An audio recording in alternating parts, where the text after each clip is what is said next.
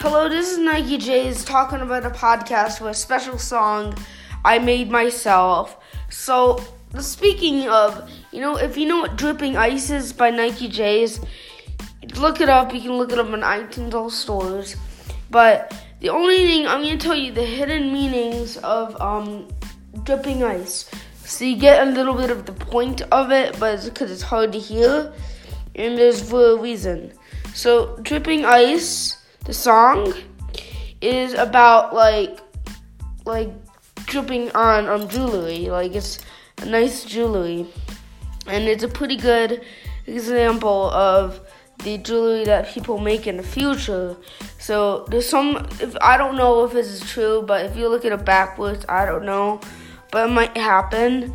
Um, but Nike J's is actually stand for Nike for the brand little bit, but it's more more for like the um, excitement of it. And then J's is for Jack, like Jack Vance, and that's my full name, Jack Vance.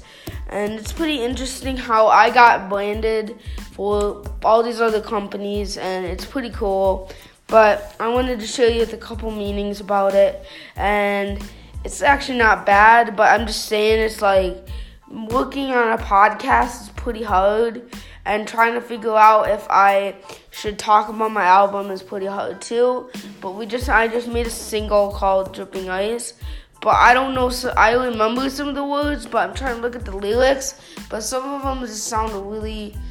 I just don't get some of the album. But the main album means it drips ice. Like it also means that um the J and N I got a um um Nike J's you might not see because it's a podcast, but it's pretty much a um, Nike J's um, little um, necklace pendant thing. So I do wear it every day. But I love ice. Like I like like like um jewelry. So it's pretty not bad. But the main song, I don't know if you play backwards, but I would recommend to. But I don't know if it is. Just look it up. Dripping Ice by Nike J's.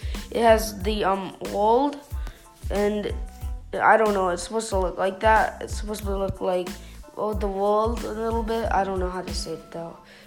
Don't I? Don't it?